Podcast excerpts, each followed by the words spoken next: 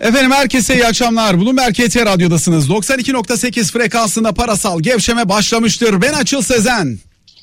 Ben Seltem İyigün. Sevgili Seltem İyigün bizlerle birlikte bugün Kofas ekonomisti sevgili Seltem İyigün. Seltem Kofas ne iş yapar? Bilmeyenlere Kofas söylesene. ticari- Tamam tabii ki hemen söyleyeyim. Kofas ticari alacak sigortası yapıyor. Yani siz diyelim ki bir firmaya e, ürün satıyorsunuz ama alacağınızı tahsil edebilecek misiniz? Emin değilsiniz. E, orada devreye bizim gibi ticari alacak sigortası kurumları giriyor ve belirli bir prim karşılığında sizin alacaklarınızı sigorta ediyor. Eğer sizin e, müşteriniz e, ödemenizi yapmazsa e, biz ödüyoruz. Yani onlar ödemezse biz ödüyoruz. Peki siz oradaki tercihi nasıl yapıyorsunuz? Yani kim gerçekten e, muteber kim değil nasıl ölçüyorsunuz onu? Şöyle e, zaten aslında cironun hemen hemen hepsini e, sigortalıyoruz. Sadece altında garanti olan alacaklar hariç e, tüm satışları biz garantileyebiliyoruz. O zaman da tabii ki firma bazında bir risk analizi yapıyoruz ve bir e, skor uygulaması yapıyoruz. Hem ülke notu bu anlamda bizim bir ülkedeki alıcılar alıcının riskini belirlememizi sağlıyor. Hem de firmaların kendi finansalları, kendi finansal performansları belirli bir not belirlememizi sağlıyor. Bu ikisi doğrultusunda e, firma bazında bir limit belirliyoruz kendi müşterimize ve e, bu limit dahilinde eğer alacaklar tahsil edilmezse biz ödüyoruz. Peki bu pahalı bir e, ürün mü şey olarak hani e, E, şöyle aslında e, toplam mesela alacak miktarının ne kadarına denk geliyor? Her şeyde değişiyor falan da. Evet yani çok fazla aslında değişken var burada ama toplam sigortalanabilir cironun yüzde birine denk geliyor diyebiliriz. Ama tabii ki bu çok e, bir Afaki olur. genelleme. Evet e, çünkü hem ülke riskine göre hem alacak e, alıcı riskine göre değişebiliyor bu oranlar ama e, şöyle de düşünmek lazım tabii özellikle risklerin bu kadar arttığı belirsizliklerin bu kadar yükseldiği dönemlerde ciddi bir alacağın takılması bile firmaların nakit akışlarını ciddi anlamda bozabiliyor ve firmalar e, alacaklı bile olsalar batma riskiyle karşı karşıya gelebiliyorlar. Dolayısıyla e, alacak riskini yönetmek çok önemli.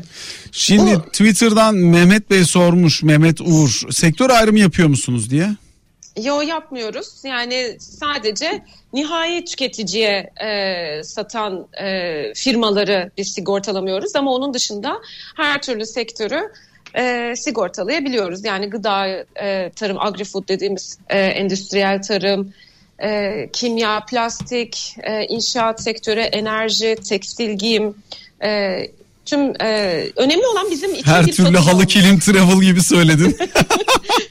Gördüğün gibi son derece meramımı anlaşılabilir seviyede anlatabilen bir insanım.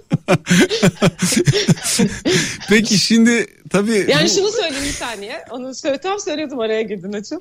Ee, şey, önemli olan bir fatura olması. Satılan ürün ya da hizmetin karşılığında bir fatura olduktan sonra biz sigorta yani kayıtlı olması lazım. Evet aynen öyle. Kayıt dışı sektörde zaten neyi yapacaksın nasıl yapacaksın? Bu sadece ama şey için değil.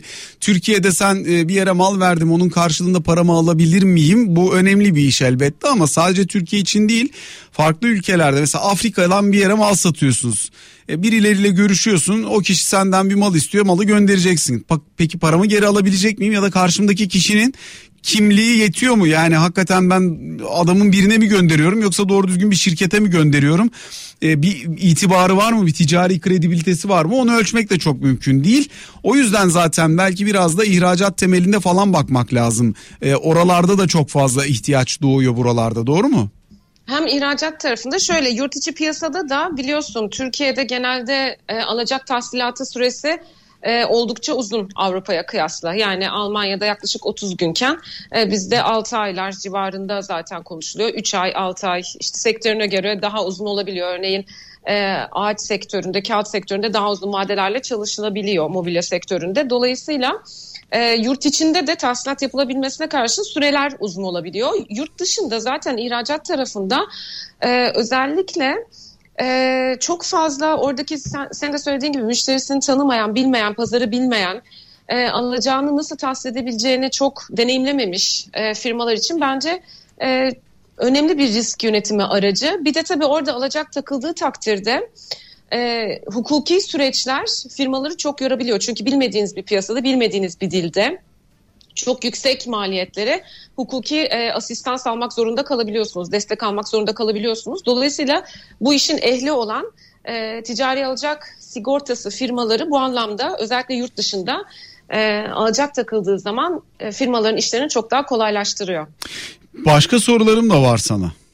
Tabii ki. Türkiye'de 2017 yılında kredi garanti fonu aracılığıyla 250 milyar TL kabaca o dönemki toplam kredi hacminin %10-12'si civarında bir kaynak yaklaşık 4-4,5 ay içerisinde ekonomiye zerk edildi. Arkasından başka başka şeyler oldu kur krizine götürdü falan. Geçen sene bir tur daha benzer şekilde çok ciddi bir kredi genişlemesine gidildi. Bir yılda kabaca 1 trilyon liralık kredi verildi Türkiye'de. Bunun da önemli bir kısmı yine ticari kredi olarak kullandırıldı. Tabi bireysel krediler de çok geldi ama ağırlıklı kısmı ticari kredi olarak kullandırıldı. Yani Türkiye'de şirketlere muazzam bir kaynak bir likidite verildi yaklaşık 2-2,5 yıllık periyod içerisinde. Nakit durumları nasıl şirketlerin Seltem? Çünkü bunu ölçebileceğimiz çeşitli yerler var. Karşılıksız çeklere bakabiliriz. Geri dönen senetlere bakabiliriz değil mi? Bunlar hani 3 aşağı 5 yukarı bunları ölçebileceğimiz yerler. Bunlar iyiye gidiyor görünüyor. Buralar özellikle kredi piyasasındaki o çok ciddi verilmiş olan likiditenin şirketlere sağladığı avantajla mı böyle gidiyor? Ee, şöyle tabii orada e, biraz da çeklerin evet çeklerin son dönemdeki verileri iyi geliyor ama orada şunun da etkisi var. Ee, özellikle bu e, salgınla birlikte ve salgın öncesinde aslında bizim e, TL'de bir anda o kur şokunu yaşadığımız dönemden sonra e, firmaların daha çok nakit çalışmaya başlaması yani ya da vadeli çalışacaksa e, ciddi faiz e, vade farkları uygulamaya başlaması biraz daha firmaları e, peşin çalışmaya yöneltti. Onun da biraz etkisi var. Ama tabii ki şunu e, yatsımamak lazım. Verilen krediler. Şimdi Türkiye'deki firmaların genel olarak sorunu nedir? Hem sermaye yapısı zayıftır, borcu yüksektir, kar, yüksektir, kar marjı dardır. Dolayısıyla hem bu kur krizi hem de tabii e, borçluk oranları bazı firmalarda e, doğal hece olmadan yabancı para borçları daha yüksek olabiliyor. Şimdi tüm bu e, şartlar altında tabii ki kurdaki o şoku yaş- yaşamak e, firmaları kendilerine doğal hece e, yöneltti. Yani özellikle yabancı geliri olmayan firmalar yabancı para cinsinden kredi kullanmamaya başladılar. Bu bir. İkincisi evet düşük faizli kredi kullandırmanın kesinlikle firmaların nakit akışlarına çok ciddi yardımları oluyor. Yani firmalar tabii ki bu e, kredileri işletme kredisi gibi kullanabiliyorlar. Bu anlamda e, nakit akışlarını destekleyebildiler.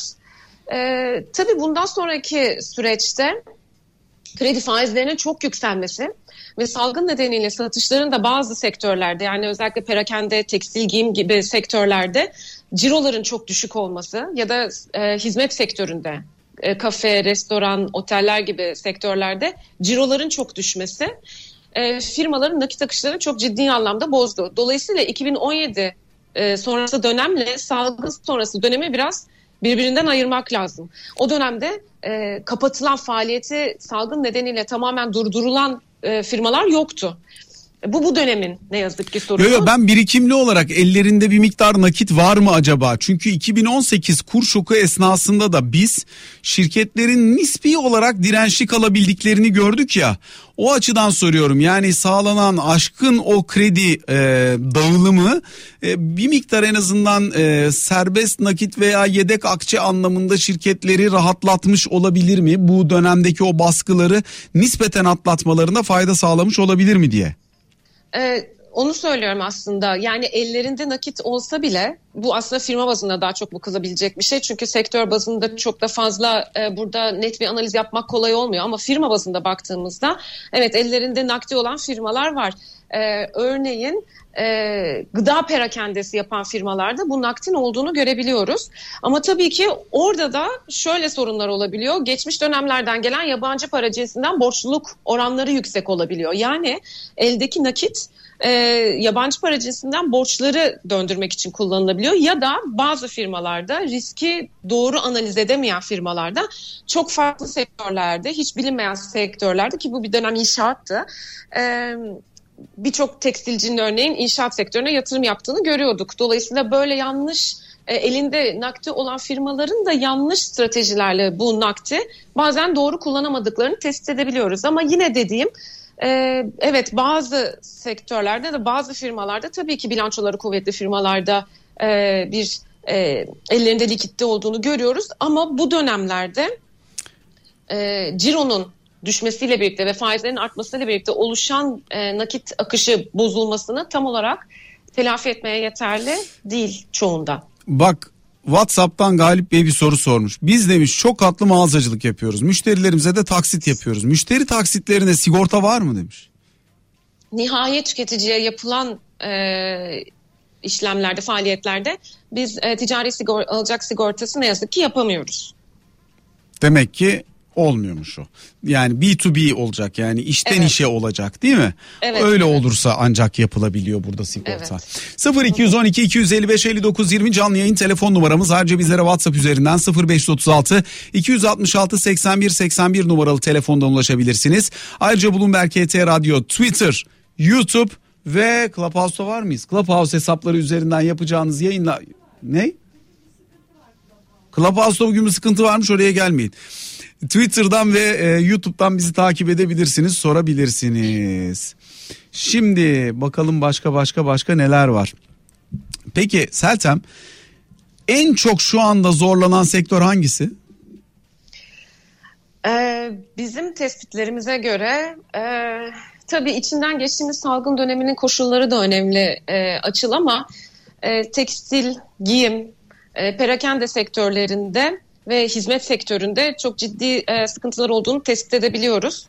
Tekstil, e, bu, giyim, e, hizmetler sektörü hmm. ve perakende sektöründe. E, Perakendenin hangisinden oldu. bahsediyoruz ama yani e, işte zincir mağazalar falan iyi çünkü. Evet ama orada da tabii dediğim gibi e, sabit giderler çok yüksek olduğu için ve bazılarında yabancı para cinsinde olduğundan dolayı e, bilançoda bir takım dengesizlikler de kırılganlıklar ortaya çıkabiliyor. E, Cadde perakendecileri biraz problemli galiba değil mi?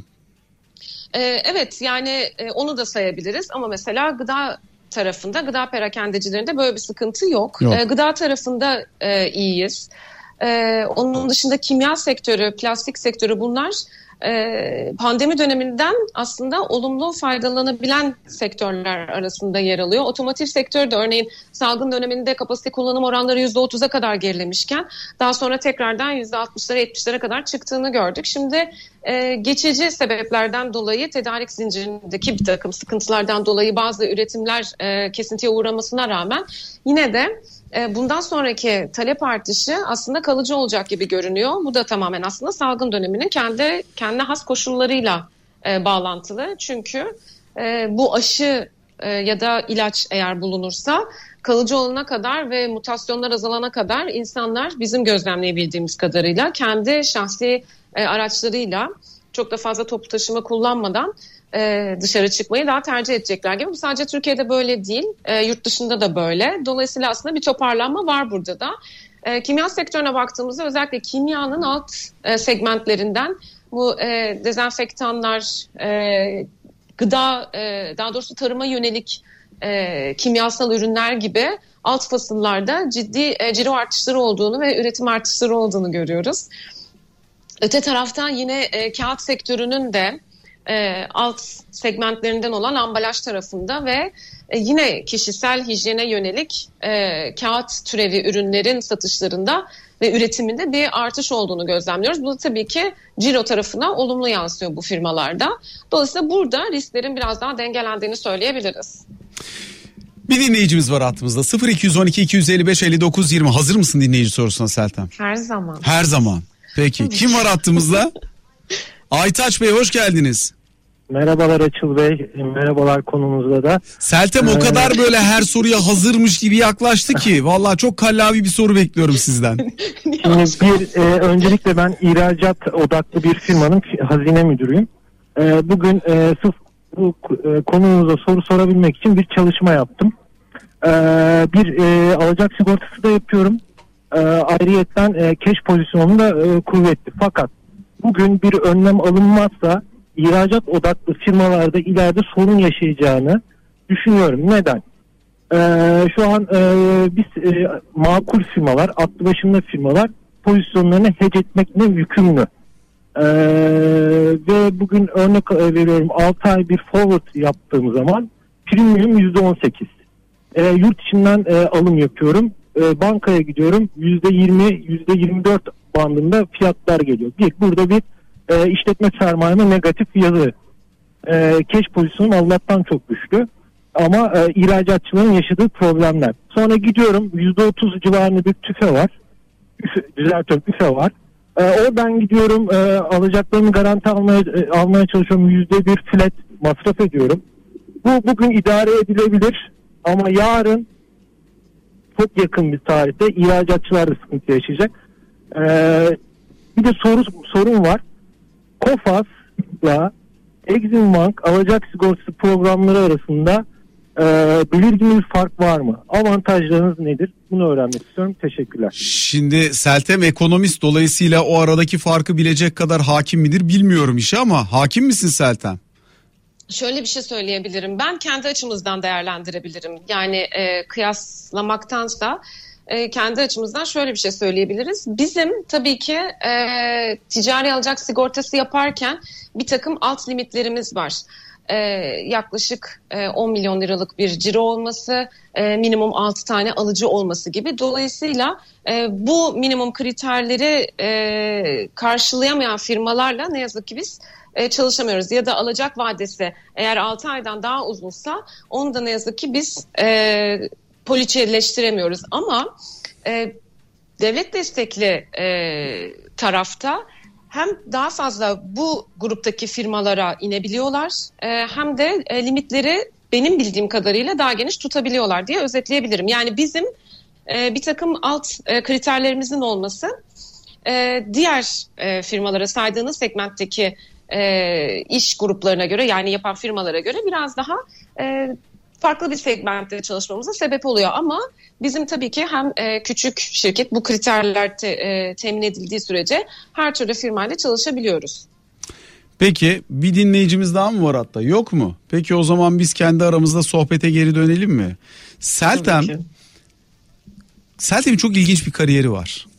Biz Seltem'le ilk Bloomberg HT kurulduğu dönemlerde Akbank'la yaptığımız Akbank'ın ekonomik araştırmalar bölümüyle yaptığımız bir e, link bağlantısı vardı Cüneyt'le beraber her sabah. Biz Seltem'le ilk orada yayın yapmaya başladık. Doğru. Seltem o zaman Akbank'taydı. Ondan önce neredeydin Seltem? Akbank'ta başladım ben. Ha orada Akbank, başladın. Akbank Hazine'de ekonomist olarak başladım ilk. Şimdi önce oradaydı. Ondan sonra Seltem acayip bir kariyer değişikliği yaparak Reuters'a geçti. Meslektaş olduk. evet ama bir sene bir buçuk sene falan kaldım orada. Ya zaten ne işin vardı ki orada? Bir arkadaşa bakıp çıkmak yani seninki. Yani Reuters çok iyi kurumdur, çok güzel kurumdur ayrı mesele de yani. Akbank hazine nereye, Reuters nereye, ne, ne işin vardı? Yine ama orada da e, futbol muhabirliği yapmadı. Finansal muhabirlik yaptığım için yine en azından kendimden çok aksi bir yere düşmedim yani. Kariyer Ondan planlaması olarak kendisi ne düşünüyor, önerisi nelerdir diye sormuş mesela Furkan. Hemen söyleyeyim bana iletirlerse. ya şimdi onun arkasından da Reuters'tan sonra ne yaptın? Kofas Time. Kofas'a geçtin sonra Evet. Kofas. Bütün kariyerine 3 kurum sığdırdın. Bir Hı-hı. banka, bir alacak sigortası şirketi makul, bir de Reuters mı yani? Evet. Bravo. Yani harika şeylerin var, e, dönüşümlerin var. Bir sonraki... Bankayla, ama bankayla e, Kofas'taki title'ım yani e, ünvanım aynı orada bir değişiklik Evet evet yok. yani ekonomist tamam canım o Sadece oralar okey. okey. Biraz daha finansal piyasa daha teknik bir iş. Şimdi daha reel sektöre. Hangisi daha Ama, güzel? E, şöyle ikisi de güzel. Tabii ki teknik bilgi her zaman lazım. Yani o açıdan bir büyük bir bankanın hazinesinde çalışmak her zaman çok büyük bir avantaj. Çünkü finansal piyasalarda ne olduğunu çok net okuyabiliyorsun. Ama öte taraftan bence e, reel sektöre yakın olmak da çok güzel bir şey. Ben çok keyif alıyorum. Firmaları gezmek, ziyaret etmek, yaptıkları işleri anlamak. E, orada çünkü gerçekten her gün verilen bir hayatta kalma mücadelesi var. Ve e, hazine ekonomisi yani finansal piyasalarda e, yapılan ekonomisi biraz daha işin bu tarafından uzak kalmaya sebep oluyor. Halbuki aslında neticede üretim her şey değil mi? Yani üretim olmasa ya aslında. Çok çok ilginç bir şey söyleyeyim sana. Söylediğin tabii çok doğru. Yani masanın bu tarafında oturup sadece banka ekonomisti veya aracı kurum ekonomisti olarak baktığında hani şöyle oluyor. Mesela şirketlerde şey vardır. Holdinglerde falan stratejik planlama bölümleri vardır. Şimdi bir dönem herkes stratejik planlama bölümünde görev almak isterdi. Çünkü holdinglerin düşünsene geleceğini planlıyorsun şu sektörler şöyle buralar böyle falan çok havalı title'dı o. Oralara da genelde gelecek vadeden böyle şey gençleri alırlar. E, potansiyeli yüksek iyi okullardan mezun çocukları alırlar. O gençler çok güzel projeksiyonlar hazırlar. Der ki ya sen şunu şöyle yapıyorsun ama burada yanlışsınız kardeşim bak bunu böyle yapmanız lazım falan. Şirketlerin onlarca yıllık genel müdürlerine falan e, şey verirler tırnak içinde söyleyeyim tavsiye ayar verirler böyle. Şimdi o biraz e, o işi yapmaya geçtiklerinde sentetik kaldığını anlarlar. Yani eğer bir gün hakikaten stratejik planlamadan dönüp de doğru düzgün bir şirketin genel müdürlük genel müdürlüğünde çalışmaya başladığında hayatın ne olduğunu anlamaya başlarsın. Bence biraz piyasa ekonomistliği de böyle bir iş. O yüzden ben seni çok şanslı buluyorum Seltem. Yani reel sektöre dokunabilecek bir ekonomistlik imkanı çok nadiren geliyor. Bence bir sana geldi o. Bir bizim Gizem'e geldi. Gizem Öztok Altınsaç'a geldi. Hani gerçekten reel sektörde para politikasında birebir takip edip iki taraftan nabız tutabilme imkanı. O yüzden şanslı görüyorum seni. Bir de şöyle açıl. Ee, sahaya inmek güzel bir şey. Yani e, sürekli Merkez Bankası'nın e, faiz kararının enflasyona etkisi, oradan kredilere etkisi, oradan çok me, işte e, mekanik, teknik bir analizle e, milli gelir e, no, ne kadar artar, büyümemiz ne olur gibi bir analiz yapmak çok e, tabii ki hani gerekli. Herkesin yapabildiği bir şey. Yani ekonomistlerin genel olarak yaptığı bir şey ama sahaya inince şunu görüyorsun. Yüzde 19-20'ye çıkan e, kredi faizleri gerçekten de firmaları mesela ne kadar zorluyor? Ka- yatırım kararlarını ne kadar etkiliyor? Kurdaki iniş çıkışlar, e, borçlukları olmasa bile şimdi kurdaki iniş çıkış e, girdi maliyetleri kanalıyla firmaları çok etkiliyor. Hani borcu yoksa firmanın belki faizden çok etkilenmeyebilir ama kurdaki e, değer kaybı, TL'nin değer kaybı çok net firmaları etkiliyor. Yani e, somut olarak bilançoyu analiz edip e, reel sektördeki insanlarla konuşup işte e, sıkıntıları nedir, nerede finansmana ihtiyaç duyuyorlar, yeni yatırım kararları e, nerede şekilleniyor, nerede fabrika açıyorlar, e, önümüzdeki 2-3 senelik stratejileri nedir? E, bunları duymak bence çok değerli. Bir de sadece büyük firmalardan değil, yani orta ve küçük ölçekteki firmalardan da bunları aslında duymak bence çok değerli. Bence de öyle ee, ve gerçekten de çok çok güzel şeyim var. Ee, yani her tarafa dokunma şansın. O yüzden bence çok şanslısın. Ne oldu? Yanıtladın öyle mi? Yani biraz önce gelen soruyu. Ben göğsümde yumuşatmasam yapabilir miydin? Sana gelen soru neydi? Exim Bank'la sizin aranızda ne fark vardı? Niye ben niye yapamayayım? Ben de konuşabiliyorum. Ha, konuşabiliyorsun da. Tabii ki. Ben de anlatırım. Niye anlatmıyorum? Bak ya. Bak bir canlı yayında yapılacak en son şey karşındaki sana zor durumda kaldığında destek olabilecek olan anchor kimse onunla didişmektir. Hiç yapmayacağım. Tavsiye etmem yani. Didişmek gibi niyetim yok. Bak şarkı söyletirim. Barış'a söylemişsin şarkı söyletirim. Yok. Lütfen pes ediyorum tamam. 0212 255 59 20 numaralı telefondayız. Şimdi bakayım diyor ki Emre Bey Barış'ın Sesi programında Seltem Hanım'ın sesini dinledik şarkı söylemişti. Kapanışta bir şarkı dinleyebilir miyiz? Bak ben demiyorum Emre Bey söylüyor. Sen de eşlik edersen belki. Ederim benim babam şarkıcı niye söylemeyeyim? Biliyorum. Tabii biliyorum, söylerim. Biliyorum. Ne söyleme, ne söylemek istersin? Bugünkü ee, repertuarında neler var? E, reklam arasında karar verelim. Bir Tuti Mucize-i Guyem dinleyebilir miyiz senden mesela? Onu geçmedik onu bilmiyorum. Daha oralara gelmediniz. Peki bir bahar akşamı falan olur mu? Yoktur o da. Oraya da gelmedik. Dur ben senin repertuarın benden daha geniş. Ya işte benimki ben biraz daha torpilliyim işte aileden ondan Tabii dolayı. aileden evet. Dur bir dinleyicimiz daha var biz muhabbetin tamam. suyunu çıkarmadan. Alo. Onur Bey hoş geldiniz. Hoş bulduk. iyi yayınlar diliyorum. Buyurunuz efendim. Ee, benim sorum Akıl Bey size olacaktı da daha önceki yayınlarda e, borsada işlem hiç yapmadığınızı söylemiştiniz. Doğru. Ee, ben de bu konuyla ilgili bu konuda çok bilgili ve tecrübe sahibi biri olarak bunun sebebini öğrenmek için merak ettim aradım açıkçası. Ha, bunu defaatle anlattım ben. Biz yaptığımız meslek gereği ki ben bu işi hep söylerim gurur duyarak ben Abdurrahman Yıldırım'ın yan, yanında öğrendim bu işi. Abdurrahman abinin bize anlattığı ve öğrettiği bir numaralı kural meslek ilkeleri çerçevesinde bizler piyasaları etkileyebilecek insanlarız söylediklerimizle bir hisseyi hareket ettirebilir, düşürebilir, kaldırabiliriz. Yaptığımız haberlerle buralarda piyasada etki uyandırabiliriz. Dolayısıyla kendi çıkarımıza kişisel olarak kendi çıkarımıza kullanabileceğimiz şeklinde yorumlanacak herhangi bir eylemde bulunamazsınız. Meslek ilkeleri gereği de bulunamazsınız. Biz buraya gelene kadar yani Bloomberg HT'ye kadar böyle sınırlamalarımız olmamasına rağmen yani çalıştığımız kurumlarda böyle bir kural olmamasına rağmen hep ahlaki gerekçelerle hisse senedinden uzak durduk. Bloomberg'ün de kendi kodlarında, kendi kurallarında zaten hisse senedi yatırımı yapılmaması var. Yurt dışı operasyonlarında Bloomberg'ün bir hisse senedini alıp belli bir süre ki orada onlar e, 6 ay ile 1 sene arasında diyorlar. E, bu sürede elinde tutma kaydıyla hisse senedi alma imkanı veriyor. Fakat biz burada Bloomberg HT çatısı altında bir salise bile hisse senedi tutma imkanı tanımıyoruz. Dolayısıyla bizim hem şirket kurallarımız açısından bu yasak hem de meslek etik kuralları açısından doğru değil.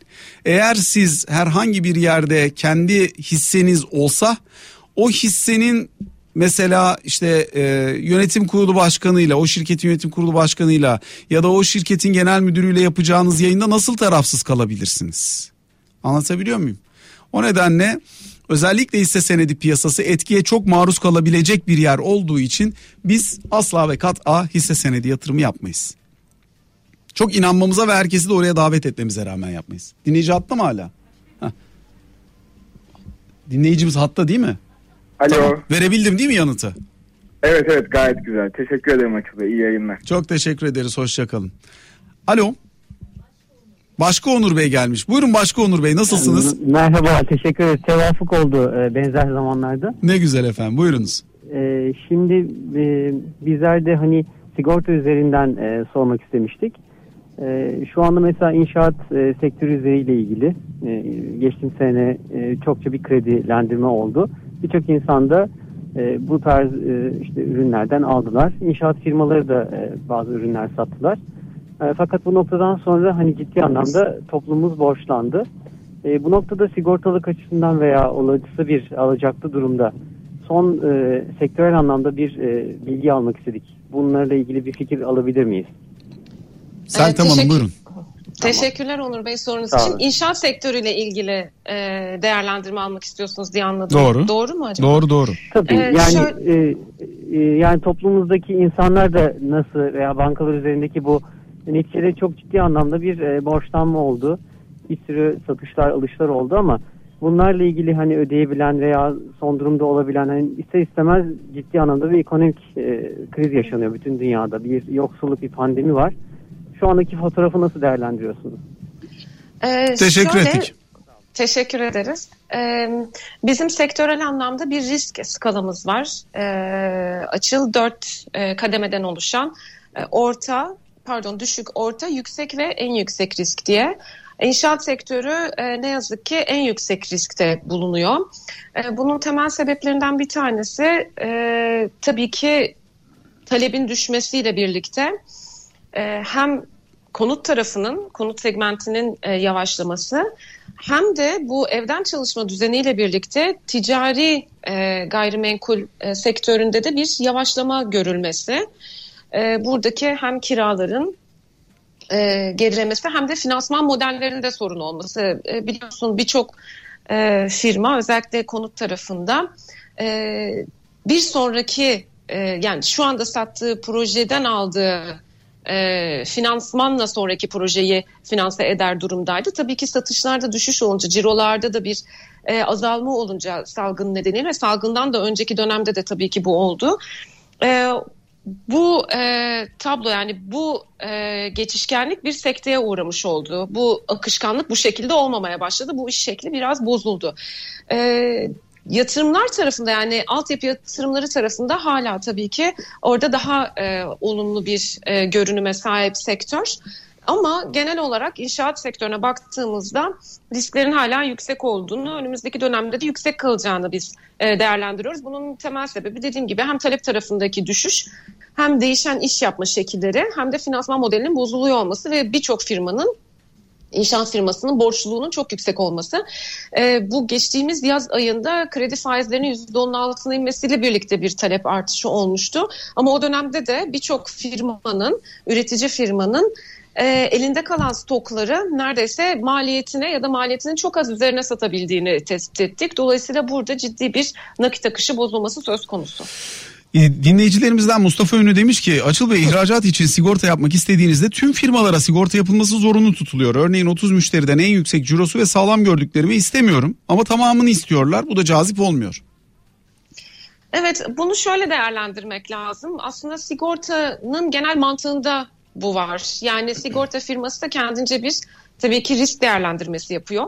Ee, ve bu risk değer, yani sağlık sigortası yaparken ya da araç sigortası yaparken de aslında e, hiç kaza yapmasanız da belirli bir prim ödemek mecburiyetinde kalıyorsunuz. O mantıktan yola çıkmak lazım. Ee, sadece bir sepetin içindeki kötü yumurtaları sigortalatamıyorsunuz. Ee, toplam e, Ama sepet benim değil mi? Ben istediğimi yaptıramaz mıyım yani? Bu şekilde işliyor.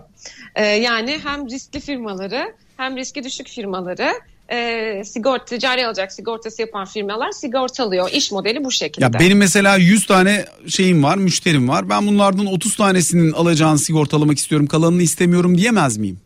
Orada şu ayrım aslında önemli oluyor. Daha çok hani senin dediğin şekilde ayırmaktansa e, altında bir e, garanti, teminat var mı yok mu ona bakıyoruz. Yani eğer teminat ben de onu varsa soruyorum zaten yani. evet teminat varsa zaten yani açığa satışları e, altın bir teminat olmadığı sürece zaten sigortalayabiliyoruz.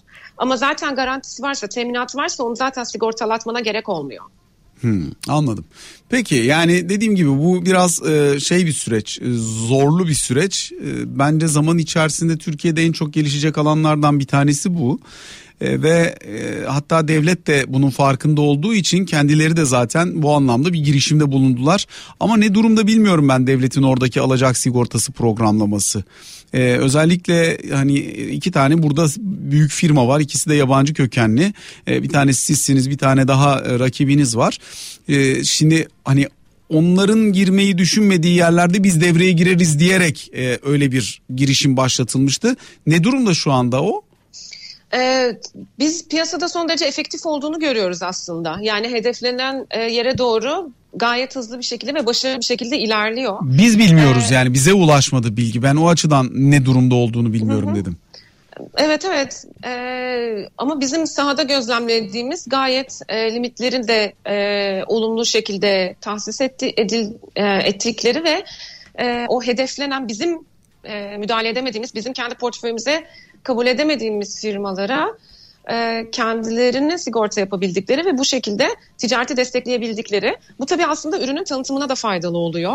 E, çünkü e, dediğim gibi bizim ya da bizim muadilimiz firmaların e, inebildikleri belirli bir yer var ama kalan kısmında çok geniş bir piyasadan bahsediyoruz aslında. E, bu geniş piyasanın önemli bir kısmına hitap eden e, bir segmenti oluşturuyor ve ben e, açıkçası değerli ve önemli buluyorum ve e, başarılı olmasını da umuyorum ve şu anda da gördüğümüz kadarıyla gayet iyi ilerliyor. Sizin için alt limit 10 milyon lira mı ciro? Yaklaşık evet. Ya şimdi 10 milyon lira e, eskiden bakınca çok büyük paraydı da şimdi baktığın zaman 10 milyon lira ciro kabaca 100 bin euro ciro yani doğru mu? O yüzden e, biraz biraz aşağı geldi sınır. Onun için şeyi soracağım yani şimdi hedef kitle nasıl oluyor da hani sizin giremediğiniz pek bir yer kalmıyor bu durumda neredeyse. E, ee, 6 tane şöyle e, 6 tane minimumda e, müşterisinin olması lazım. Evet dediğin gibi tabii kurların da etkisi var ama e, yine de bizim giremediğimiz ama bizden e, talep edilen limitler olabiliyor. Çok çeşitli firma var çünkü öyle düşünmek lazım. Bizim karşılık veremediğimiz riskler e, çok fazla teminat altına alınamayacak riskleri olan firmalar olabiliyor. Biz çünkü her bu kriterleri tutturan firmaya ne yazık ki e, ticari alacak sigortası yapamıyoruz. Yani ayda 100 bin euroyu tutturuyorsan e, yılda kabaca işte 10 milyon lira oluyor. Onu tutturabilmiş oluyorsun dolayısıyla. Evet tabii ki ama risk dağılımı da önemli tabii ki. Yani burada çok e, matematiksel gitmemek lazım. Yani birkaç kriter var onları tutturursan hemen e, bir ticari alacak sigorta sözleşmesi yapılıyor gibi düşünmek yanlış olur. Çünkü ticari alacak sigortası firmaları da kendilerince bir e, risk analizi yapıyorlar ve o risk analizinin sonucunda e, bir takım teklifler gidiyor karşı tarafa. Dur sana O çok teklif- başka sorularım var dur. Peki. Seltem Türkiye'de şirketleri Seltem geziyorsun. Geziyorsun dolu. Seltem ne demek sorusunu sana sormuştum ben daha önce. O- Evet doğru sormuş olabilir. Yayında sordum yanlış hatırlamıyorsam hatta. Evet doğru bravo. Evet Değil mi? Yayında sordum. evet haklısın. ne demiştin? Açıklamıştım annemle babamın isminin karışımı diye. Evet. Neydi? An- Babanın adı Selçuk muydu? Yok Mehmet'ti. Ha Mehmet. Babamın Annenin adı. neydi? Yüksel. Yüksel. Yüksel mi? Yüksel annemin ismi. Ha, siz onun selini, onun sonunu, öbürünün başını. Tersin. Aynen. Anladım. Şimdi e, Türk şirketlerinde Selten yapılan en büyük hata ne sence? Nerede çok büyük hata yapıyor Türk şirketleri? Hepsiyle Ee, görüşüyorsunuz. Küçüğünü görüyorsun, büyüğünü görüyorsun. Hata nerede oluyor? Bence e, şöyle bir tanesi risk yönetiminin kötü yapılması ve e, büyüme stratejisinin yanlış e, kurgulanması. E, işleri iyi gittiği zaman da ölçüsüz risk alınabiliyor ve kendi e, uzmanlık alanının, kendi sektörünün dışında e, iş tecrübesi olunmayan, sahip olunmayan, iş tecrübesine sahip olunmayan, bilgi birikiminin olunmadığı ve çok farklı dinamiklerle çalışan firma, e, sektörlere yatırımlar yapılabiliyor. Ve bu yatırımlar e, tabii ki sermaye yetersizliği nedeniyle hep krediyle finanse ediliyor. Ama şimdi TL olarak baktığımızda çok uzun vadeli finansman kredileri ne yazık ki olmuyor ve kısa vadeli finansmanın içinde yabancı para krediler kullanılıyor. Bu da firmaları e, kur riskine maruz bırakıyor. Bu kur riskini de çok iyi yönetemiyor, yönetemeyebiliyor firmalar. E, benim gördüğüm genelde tespit ettiğim e, en büyük sorun bu. Yanlış e, büyüme stratejileri. Ama tabii bunu şöyle olarak söylemiyorum. Bizim firmalarımız böyle demiyorum. Sen genel olarak yapılan e, hata hangisi diye evet sorduğun evet için onu söylüyorum. Yok, genel olarak. Biraz hızlı büyüme, olarak- ölçüsüz büyüme, bilmediği işe girme. Ve de e, bunu yaparken e, çok riskli finansman kullanma, yabancı para cinsinden finansman kullanma. Sermaye tabii ki zayıf olunca ve sermaye e, kur riski de olunca bu tabii ki nakit akışında sorun yaratıyor firmalarda. Anlıyorum. Esas sorun evet nakit akışı ile ilgili. 3 dakikalık bir aramız var. Zaten şunu söyleyip öyle gideyim araya. Türkiye'de de dünyada da hani şirket dediğim borçtan batmaz. Nakit akışından batar. Evet. Çok kesinlikle. yüksek borcun olsun ama nakit akışını doğru yönetebilecek bir girdi çıktı hesabın olsun. Batmadan hayatını rahat rahat sürdürebilir. Yatırımlarını da o çerçevede götürebilirsin. Ama nakit akışı bozuldu mu orada şirket gerçekten faaliyetini sonlandırmak Alacaklı bile zorunda olsa kalabilir. batabiliyor o zaman. Yani alacaklarıyla birlikte batabiliyor firma nakit akışı bozulunca. Aynen öyle. 3 dakikalık bir aramız var. Biz o arada Twitter'dan ve aynı zamanda YouTube'dan gelen soruları mümkün olduğunca yanıtlamaya çalışacağız. Sonrasında 0212 255 59 20 numaralı telefondayız. Bir dinleyici telefonu alabiliriz eğer gelirse. Ardından da Seltem İyigün'ün sesinden dinleyeceğimiz adının ne olduğunu bilmediğimiz şarkıyla veda edeceğiz sizlere. Efendim tekrar sizlerle birlikteyiz. Bloomberg KT Radyo'da 92.8 frekansında parasal gevşeme sürüyor. Ben Açıl Sezen. Ben Seltem İyigün. Seltem evden mi çalışıyorsunuz hep? Ee, evet bu dönemde evden çalışıyoruz. Hiç şirkete Ofise- gitmiyorsunuz. Yani e, gidenlerimiz var.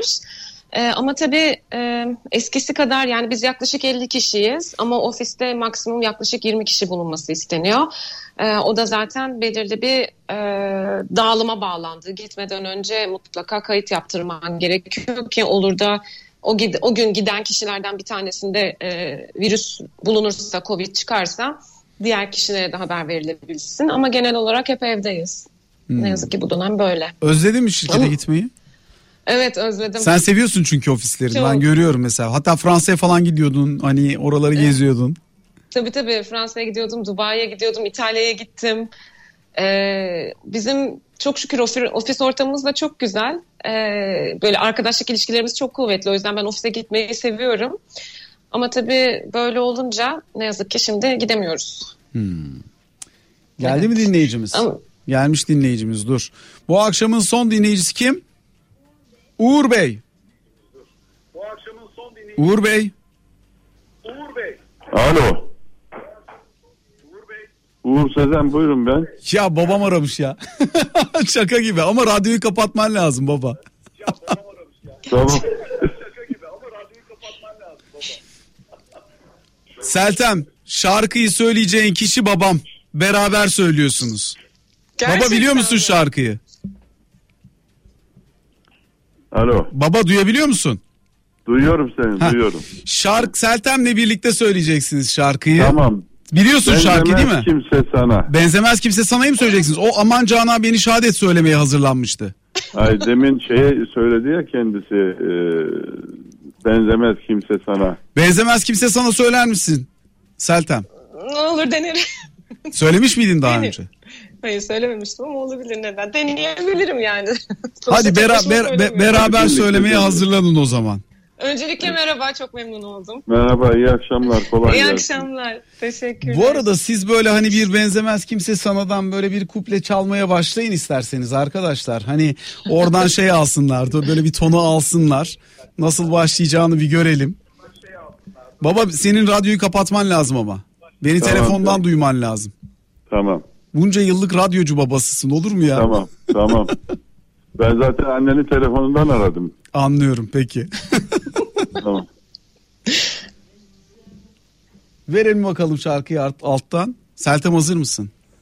Hazırım. Tamam bak önden böyle tonu alırsınız. Ondan sonra ben tamam deyince başlarsınız. Baba hazırsın Sen değil eşlik mi? edecek misin? Ben hazırım. Babam geldi. Ben velimi çağırdım. Hay Allah benim annem de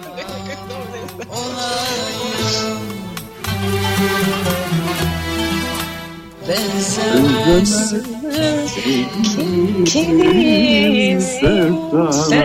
Bir dakika, bir dakika baştan başlayacağız.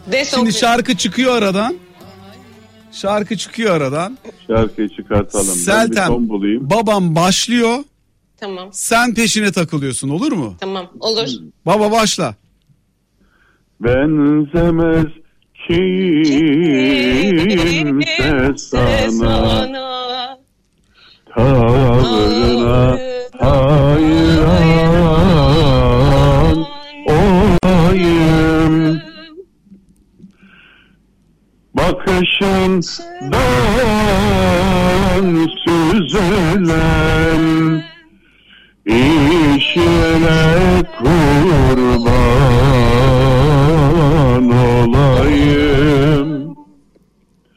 olayım Bakışından süzülen işvene kurban olayım. Lütfuna ermek için söyle perişan olayım Lütfuna ermek için. Söyle perişan olayım. Bakışından süzülen. İşvele kurban olayım Bakışından süzülen işvele kurban olayım. Bravo bravo vallahi harika. İkinizi de kutluyorum. Çok çok teşekkür ediyoruz baba katıldığın ve Seltem'i kurtardığın için. En azından Seltem şu anda kurtardığını düşünüyor. Çok teşekkür ederim. Çok sağ olun. Sesiniz de Çok sağ olun. teşekkür ederim eşliğiniz Çok için. memnunum. Görüşmek üzere. Seltem Hoşçakalın. şimdi sırada senin şarkın var. Diyorsun. E, evet. Gerçek. E, evet. Şimdi bunu babama söylettin ağırlıklı olarak. Onun için sen Aman Cana ile başla bakalım. Evet. Aman cana beni şad et terahüm eyle imdad et aman cana beni şad et terahüm eyleyim danet dilersen terki kast eyle. Bana sen kıymaz adet Dilersen terki kast eyle Bana sen kıymaz adet Bu kadarını söyledim. Harikaydın vallahi Seltem. Ağzına sağlık. Çok güzel, çok keyifli oldu. Tam bir cuma akşamı işte ya. Bir insan cuma akşamından daha ne ister ki değil mi? Evet kesinlikle.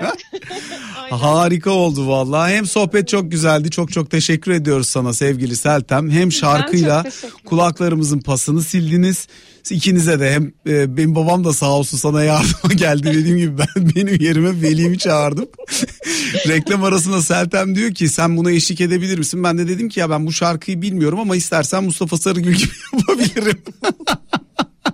O dedi o nasıl yapıyor? Böyle gözlerini kapatıp biliyormuş gibi kafayı sallıyor. Sen ben de onun gibi yaptım. Öyle dinledim seni.